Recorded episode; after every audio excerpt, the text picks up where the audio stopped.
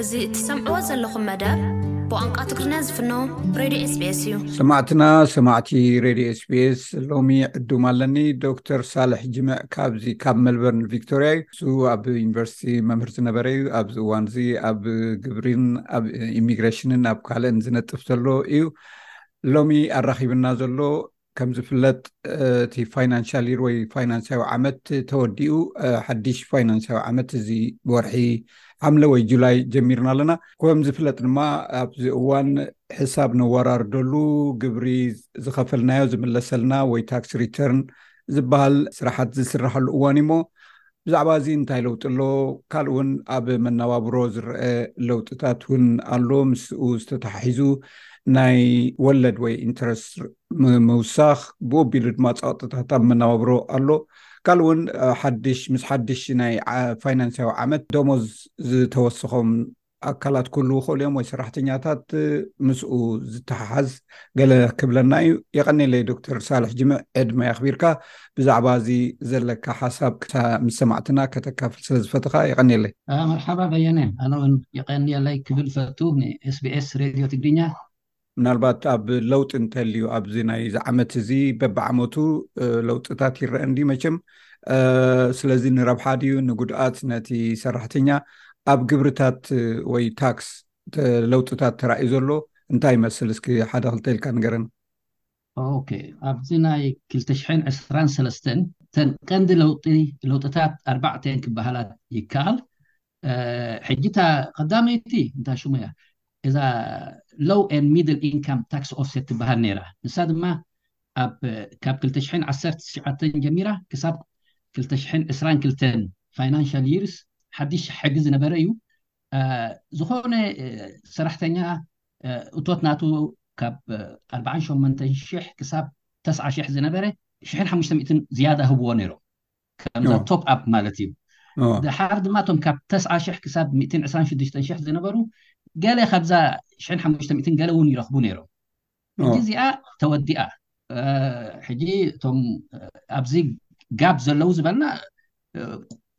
እቲ ታክስ ሪተርን ናቶም ውሕድ ዝበለ ክኸውን ማለት እዩ ታሕተዎትን ማእከላይን ኢንካም ዘለዎም ወይ እቶት ዘለዎም እዞም ሎው ኤንድ ሚድል ኢንካም ታክስ ኦፍሰት ዝበሃል ኢካ ትዛረብ ዘለካ ማለት እዩ እወ እወ እታ ኦፍሰት ማለት ከምዚ ኣጃስትመንት ማለት እዩ ከምዛ መሓገዝ እያ ነይራ ማለት እዩ ንምትብባዕ ከምኡ ዝነበረ እዩ ግን ትሕጊ እንድዩ ትሕጊ ንኣርባዕተ ዓመት ነይሩ እዚ ኢንፍሌሽን ክመጽእዩ ብዙሕ ኣይተጸብይዎን ስለዚ እቲ ሕጊ ይልወጥ ኣይቅየርን እዩ ማለት እዩ ሕጊ ሕጊ እንድዩ ከላስ እሳ ቁሩብ ብዙሓት ነቲ ናትና ኮሚኒቲ ከተሸግሮም እያ ምክንያቶም ምክንያቱ ብዙሓት ኣለዎ ኣብዚ ኣብዚ ጋፕ ኢንካም ዘለዎም ሕጂ ሎም ዘበን እታ ሽሕን ሓሙሽተ ሚእትን ምስ የላን ቁሩብ ጽቡቅ እቲ ሓምሳ ሽሕ ዝኸፈለ ምናልባት ሸውዓተ ሽሕን ሓሙሽተ ሚእትን ገለመለ ታክስ ከፊሉ ነይሩ ማለት እዩ እወ ሕጂ ታክስ ሎጅ ታክስ ሪተርን ክገብር እንከሎ አ፣ ምናልባት ብዘይካ እታ ሽሕን ሓሙሽተ ሚእትን አ፣ ሽሕን ክልተ ሚእትን ይምለሰሉ ይኸውን ሕጂ ኣሃ እታ ሽሕን ሓሙሽተ ሚእትን ኣብ ልዕሊኣ ክትውሰኽ እያ ትውሰኽ ነይራ እቲ ሪተርን ናቱ ድማ 2700 ይኸውን ነይሩ ማለት እዩ ብጣዕሚ ብዙሕ እዩ ነይሩ ማለት እዩ እወ ዓበ ሓገዝ እዩ ነይሩ ቀንዲ ኣሸጋሪ ድማ እዚኣ ኣብታ ግዜታ ኢንፍሌሽን ክወስድዋ ከለዉ ዝያዳ ሰብ ክትስምዖ እያ ማለት እዩ ኣብኡ እንተ ዘርዚሩ ኣሎ ንኣብነት 37500 ትሕቲኡን ዝነበረ ክሳብ 700 ይረክብ ከም ዝነበረ ዝሕብር ነገራት እውን ኣሎ ከምኡ እናበለ ዝዝርዝሮ ኣሎ ማለት እዩ ካልእ ምናልባት ተወሳኺ ምዚ ኣተሓሓዝ ተለያ ንገረኒ እወ እታ ናይ ክሳብ 37 ሽሕ እዚኦም ሎው ኢንካም ይበሃሉ ሎው ኢንካም እታ ሸውዓተ ሚእቲ ስቲል ኣላ ሕጂ እወ እቲ ኢንካም ናትካ ካብ 37 ንታሕቲ እንድሕር ኮይኑ 37 ሽሕ 37 ሽሕ ማለት ፉል ታይም ኣይነበርካን ማለት እዩ ሕጂ እወ ንዕኡ ስቲል እታ ሎው ኢንካም ታክስ ኦፍሴት ትበሃል ካብ ፍሊ ዝበለት እያ እቲኣ ሎው ኤን ሚድል እያ እታ ሽሕን ሓሙሽተ ኣሃ ብላዕሊ እያ እሳ እወ እወ እዛ ሎው ግን ነቶም ካብ ሰላሳን ሸውዓተን ሽሕ ንታሕቲ ኣብ ዓመት እቶ ዝገበሩ ስቲል ይህብዎም ንዓ እታ ሸውዓተ ሚእቲ እላ እታ ሽሕን ሓሙሽተ ሚእትን እያ ዘየላ ማለት እዩ ካልእ ኣብ ለውጢ እንታይ ኣሎ ካልኣይቲ ዓባይ ለውጢ መፅያ ዘላ እታ ካብ ገዛ ምስራሕ ማለት እዩ ሕጂ በዚ ናይ ኮቪድ ብዙሕ ሰብ እንድዩ ካብ ገዛ ዝሰርሕ ዝነበረ ሕጂ ንሶም ሓድሽ እንታይ ሽሞም ፅኦም ነይሮም ምስ ኮቪድ ዝኸይድ ወርኪን ፍሮም ሆም ኤክስፔንስስ ዝበሃል ቀደም ክልተ ኣገባብ ነይሩ ካብ ገዛ ቅድሚ ኮቪድ እውን ካብ ገዛ ዝስርሑ ነይሮም እንዲዮም ኣለውን እንዲዮም ክሳብ ሕጂ እውን ቀደም እንታይ ዝበሃል ነይሩ ፊክስድ ሬት ዝበሃል ነይሩ ከምኡ እውን ኣክቹዋል ኮስት ዝበሃል እታ ፊክስድ ሬት ሓምሳን ክልተን ሰንቲም ኣብ ኩሉ ሰዓ ህቡ ነይሮም ኣብ ሓንቲ ሰዓት ኣብ ሰዓት ሓምሳን ክልተን እወ ድሓር በቲ ናይ ኮቪድ ሰማንያ ሰንቲ ገይሮ ሰማንያ ሰንቲም ገይሮም እወ ሕጂ እታ ናይ ኮቭድ ረይት ኣልጊሶማ ካላስ ኮቪድ የለን ማለት እዩ እታ ሓምሳን ክልተን ሰንት ዝነበረት ስሳን ሸውዓተን ሰንት ገይሮማ ሕጂ ደሓን እዩ ከምዚ ስሳን ሸውዓተን ሰንት ክትብል ከለካ ውሑድ መስል እምበር ምስቲ ሰዓታት ትሰርሖ ክትሓስቦ ከለካ ተደማሚሩ ዓቢ ክመጽእ ይኽእል እዩ ሕጂ ንኣብነት ካብ ገዛ ገሊኦም ሕጂ ስቲል ሰለስተ መዓልቲ ካብ ገዛ እንዲም ዝሰርሑ ዘለዉ ወይ ክልተ መዓልቲ እተን ኣብ መዓልቲ ክንደይ ሰዓት ሰሪሕካ ትዱም ድሓር ኣብ ሰለስተ መዓልቲ ክንደይ ሰዓት ሰሪሕካ ደሚርካ ሓንቲ ንኣብነት ኣርባዓ ሰዓታት ኣብ ሰሙን ድሕር ዝሰርሕ ሰብ ኣርባዓን ሸሞንተን ሰሙናት ኣብ ዓመት ንድሕር ሰሪሑ ክሳብ ክልተ ሚትን ሰማንያን ሸሞንተን ዶላር ተመላሲ ኣለዎ ማለት እዩ እወ ከመይ ትገብራ ማለት እዩ እታ ሕጂ ከምታ ዝበልካ ኣርባዓ ሰዓት እንድሕር ኮይና ከምቲ ዝበልካዮ ኣርባዕተ ኣርባዕተ ሰሙን ዓመታዊ ዕርፍቲ እንተለዎ ኣርባዓን ሸሞንተን ኮይኑ ማለት እዩ ኣርባዓን ሸሞንተን ሰሙናት እተን ኣርባዓ ሰዓት ብኣርባዓን ሸሞንተን ብስሳን ሸውዓተን ሰንት ክትገብራ ከለካ ደሓን እዩ ብዙሕ ዝበለ ገንዘብ እዩ ሕጂ ካልኩሌሽን እውን እንተዘይገበርና እዚ ከምቲ ውፅኢት እዩ ዝሕሰብ ኩሉ ኣይምለሰካን እዩ ግን ውፅኢት እዩ ኣብቲ ከም ሪፋንድ ወፃኢ ድማ ከም ወፃኢ እዎ፣ ዘሕሰብ ወፅ- ወፃኢ እዎ፣ ሶሪ ከ- እዎ ወፃኢ ማለት እዩ እዎ እቲ ሪፋንድ ድማ ዋን ሰርድ እዩ ዝምለሰካ ሕጂ ንኣብነት ሰለስተ ሽሕ ወፃኢ እንተለካ እቲ ዝምለሰካ ሽሕ እዩ ኣባውት ዋን ታውዘንድ እቲ ወፃኢ ምስቲ ሪፋንድ እቲ ወፃኢ ኩሉ ትወስዶን ኢኻ ከምኡ ይኮነን እቲ የ- እዎ ካልኩሌሽን እዎ እዎ እዎ ካብቲ ግብሪ ክትከፍሎ ዝግባኣካ እዩ ዝጎድለልካ እወ እሱ እቲ ግብሪ የጉድለልካ ማለት እዩ ፅቡቅ ግን ካልእ ፅቡቅ ካልእ ኣብዚ ሰልፍ ኤዱኬሽን ኤክስፐንስስ ትሬሽሆልድ ሪሙቭ ዝበሃል ነገር እውን ሪኣ ኣንቢበ ኣለኹሞ እንታይ ማለት እዩ እዚ ፅቡቅ ኣለካ ሕጂ እናተማ እዚ ሞር ነቶም ፕሮፌሽናልስ እዩ ማለት እዩ ሓንሳብ እናሰራሕካ ከለካ ትምህርቲ እንዲ የድልየካ ፕሮሞሽን ወይ ድማ ሓዲሽ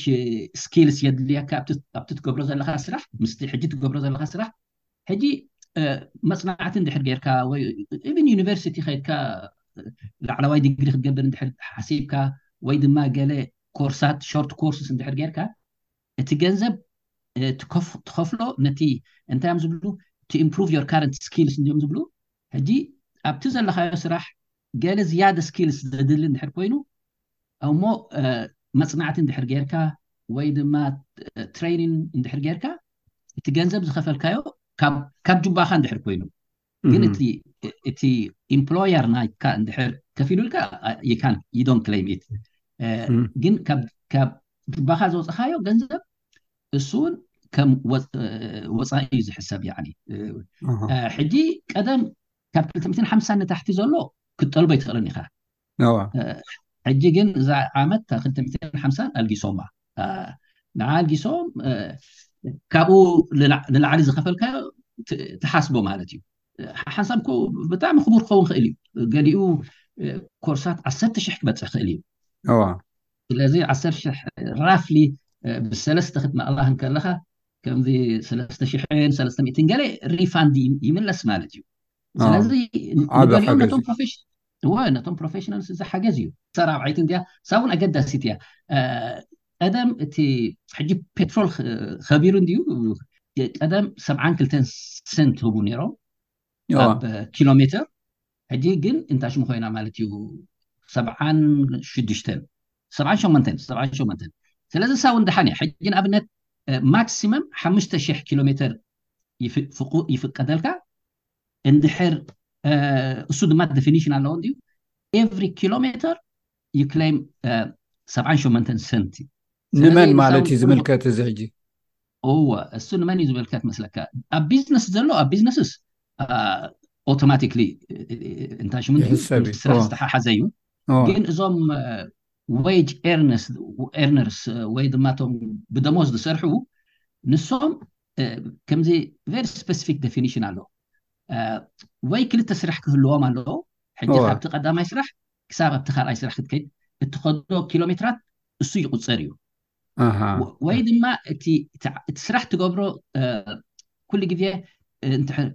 ድሕር ካብ ቦታ ንቦታ ትነቅል እንድሕር ኮይንካ ግን እዛ ካብ ገዛኻ ንስራሕ ትኸዳ ካብ ስራሕ ድማ ንገዛ ትምለስ እሳ ኣይትሕሰብን እያ እሳ እንታይ ብልዋ ኖርማል ትሪፕ ብልዋ ንክትሰርሕ ሲ ካብ ገዛካ ትወፅእ ኣለካ ዝብል ሓሳብ ማለት እዩ ስለዚ እዞም ኣብ መንጎ ትሪፕስ ዝገብሩ ምስቲ ብጉዳይ ስራሕ ናቶም እሶም እቲ ኪሎ ሜትራት ናቶም ክፈልጥዎ ኣለዎም ማለት እዩ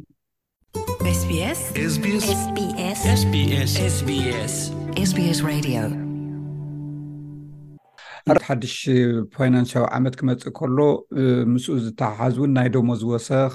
ገለ ኣሎ ብፍላይ ድማ ኣብዚ እዋን እዚ እቲ ዘቕባበ ገንዘብ ወይ ከዓ ኢንፍሌሽን ንብሎ እንዳበዝሐ ከይድ ከሎ መነባብሮ እንዳኸበረ ከይድ ስለ ዘሎ ዋጋታት ናይ ሸቐጥ እውን ብኡ መጠን እንዳኸበረ ኣብ ገሊኡ ስራሓት ብፍሉይ ንዕኡ ማለት ዝትክእ ብምባል ደሞዝ ይውስኽ እዩ ብሓፈሻ ግን ኣብ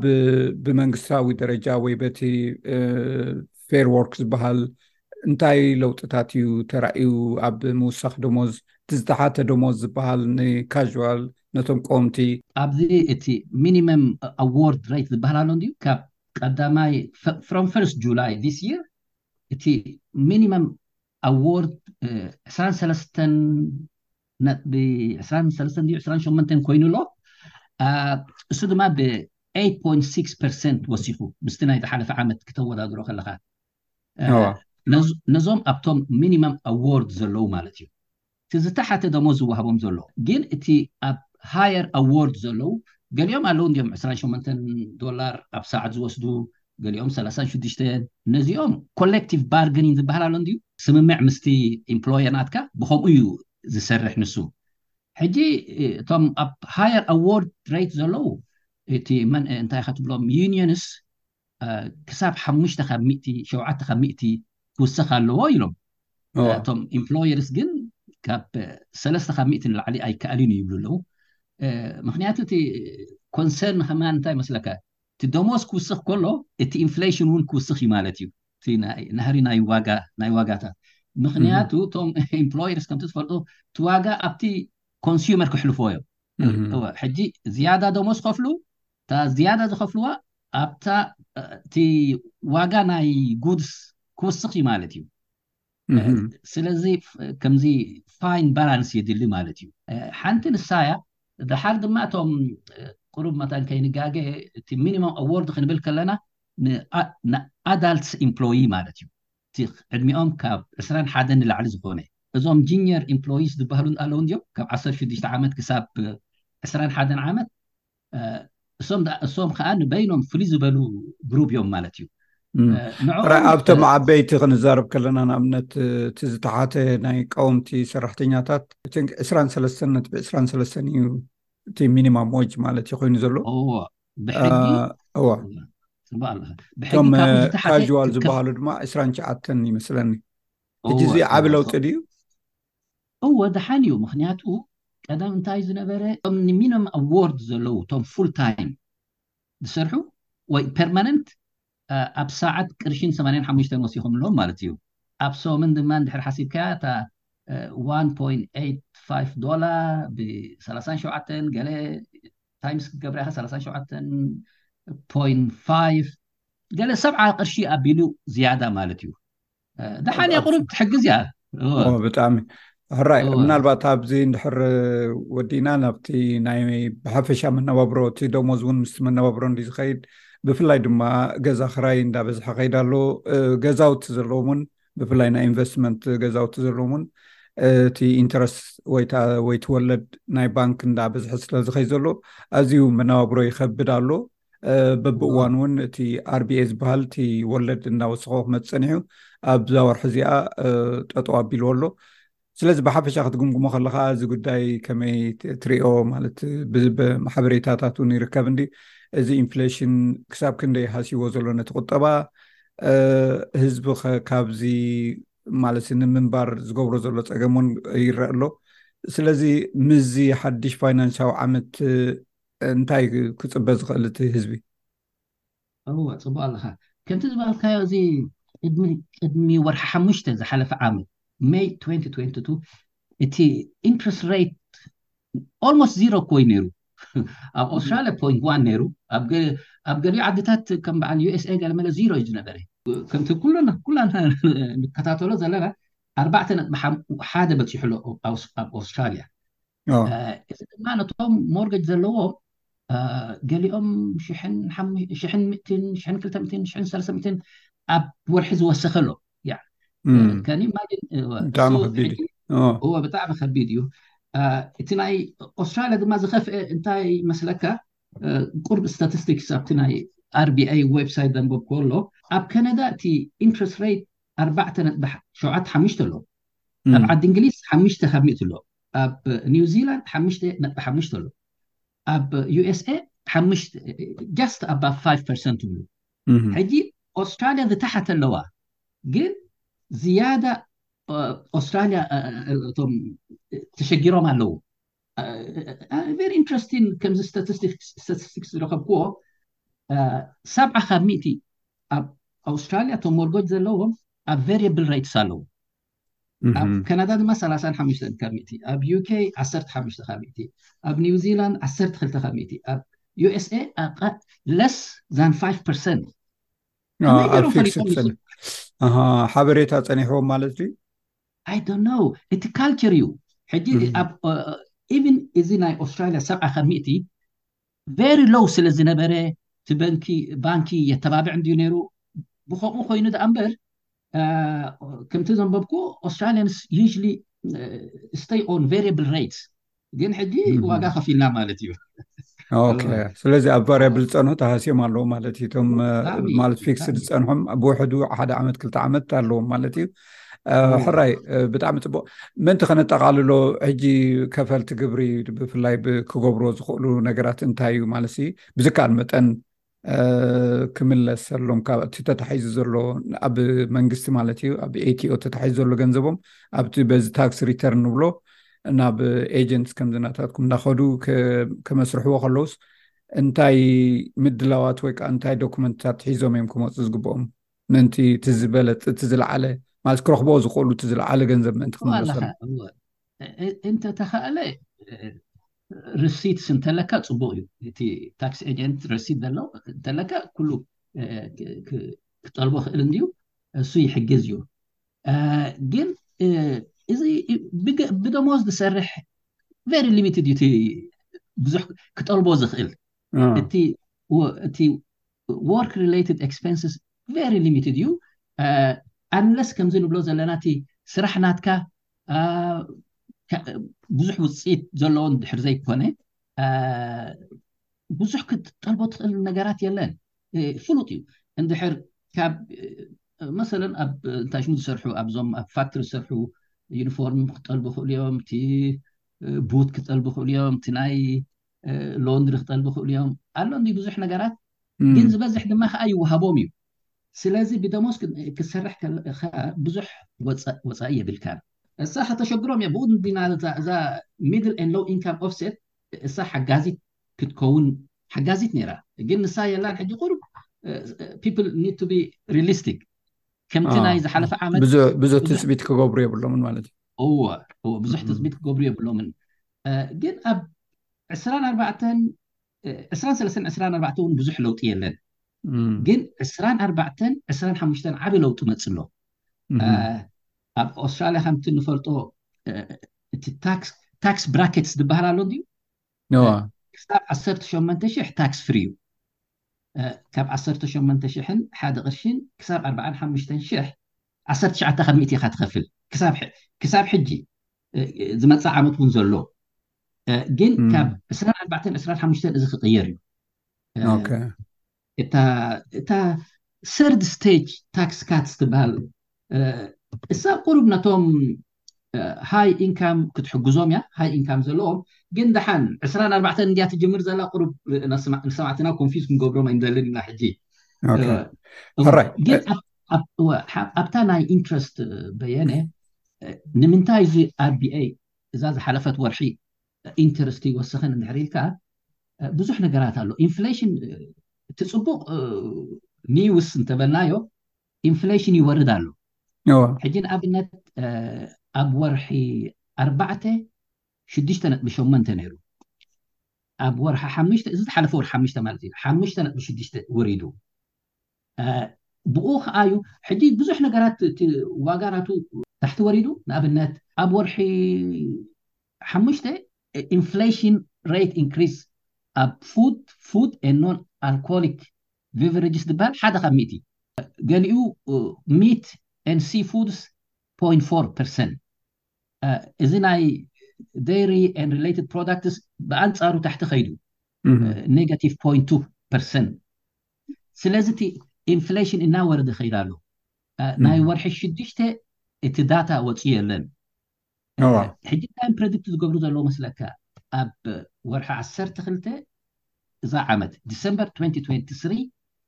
ኢንፍሌሽን መይ ጌት ዳውን ቱ ፎር ፐርሰንት ይብሉ ኣለዉ እቲ ዕላማ ገይሮሞ ዘለዉ ማለት እዩ እወ እቲ ፕሪዲክሽን ናቶም ፅቡቅ መፅ ኣሎ ሕጂ ገሊኦም እብሉ ነይሮም ኣብ መይ ኤፕሪል ኢንፍሌሽን ሸውዓተ ብሉ ነይሩ ሽዱሽተ ነጥቢ ሸመንተ መፂኡ ሕጂ መታን ኮንቴክስት ክንህቦ ከምዚ ትሕዝቶ ክንህቦ እቲ ኖርማል ኢንፍሌሽን ዝበሃል ኣብ መንጎ ክልተ ቱ ቱ ስሪ ፐርሰንት ክኸውን ኣለዎ ሕጂ ዲሰምበር 2023 ኣርባዕተ እንድሕር በፂሑ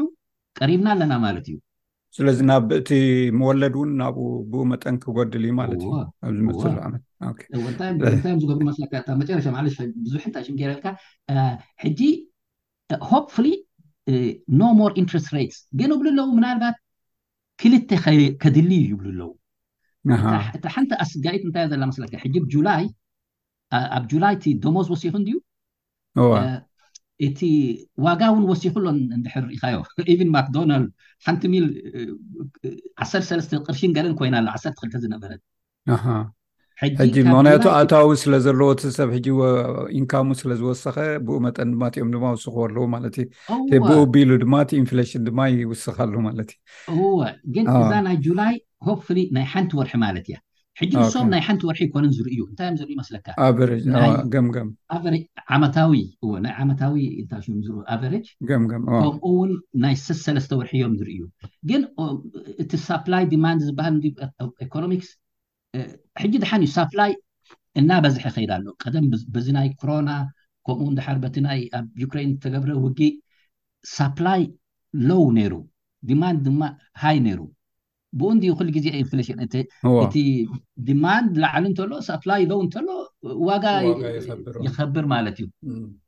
ሶ ሆፕፉሊ እታ እታ ናይ መጨረሻ ሜሰጅ እንታይ እያ ንሰማዕትና አ፣ እዞም ኣብ ሞርገጅ ዘለዉ ሆፕፉሊ ስሎውሊ ቲንግስ ዊል ጌት ቤተር ከምኣ ከምኣ ክንብል ንፈቱ ጽቡቕ ምስ ተስፉ ኢኻ ወዲእካልና ዘለኻ ይቐኒልና ዶክተር ሳልሕ ጅምዕ ንዝሃብካና ብዛዕባ ግብሪ ብዛዕባ መነባብሮ ብዛዕባ ገዛውትን ካልእ ኢንፍሌሽን ወይ ድማ ዘቕባበ ገንዘብን ሰፊሕ ፍልጠት ዘለዎ ኢኻ ከተካፍለና ፀኒሕካ ተስፋ ገብር ኣብ ካልእ እዋን ብካልእ ትሕዝቶ ክንራኸብ ንሎሚ የቐኒየለይ ኦከይ የቀንየለይ በየነ የቀንየለይ ማሕበረሰብኩም ዘተኹም SBS ትግርኛ።